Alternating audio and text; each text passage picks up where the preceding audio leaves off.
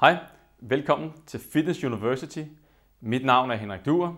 Jeg er træningsfysiolog, kan skænde idræt og kemi.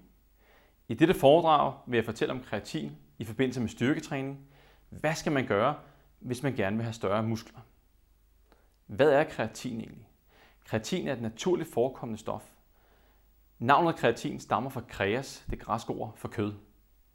Og det er da også i vores muskulatur, at vi finder langt størstedelen af kroppens kreatin. Kroppen producerer faktisk selv kreatin. Leveren leverer 1 gram til kroppen dagligt. Derudover så kommer det gennemsnit 1 gram fra kosten. Så totalt set 2 gram får kroppen tilbudt i løbet af en dag.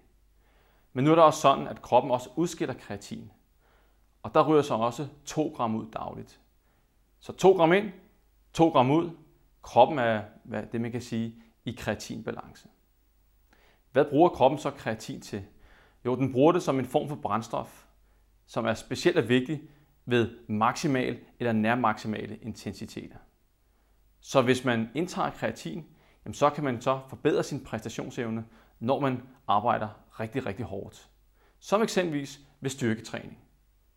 Indtager man kreatin i forbindelse med styrketræning, så kan man være i stand til at løfte flere kilo i løbet af et træningspas, end man kunne tidligere. Altså tage flere gentagelser med den samme vægt. Og alt andet lige, så vil det give et større træningsstimuli. Kreatin har dog ingen indflydelse på konditionen, så konditionstræner man og har stor fokus på det, så lad være med at tage kreatin. Det har ingen indflydelse, og derudover så kan det faktisk give en vægtøgning, som ikke er så rar at have med, hvis man skal ud og løbe 5 km,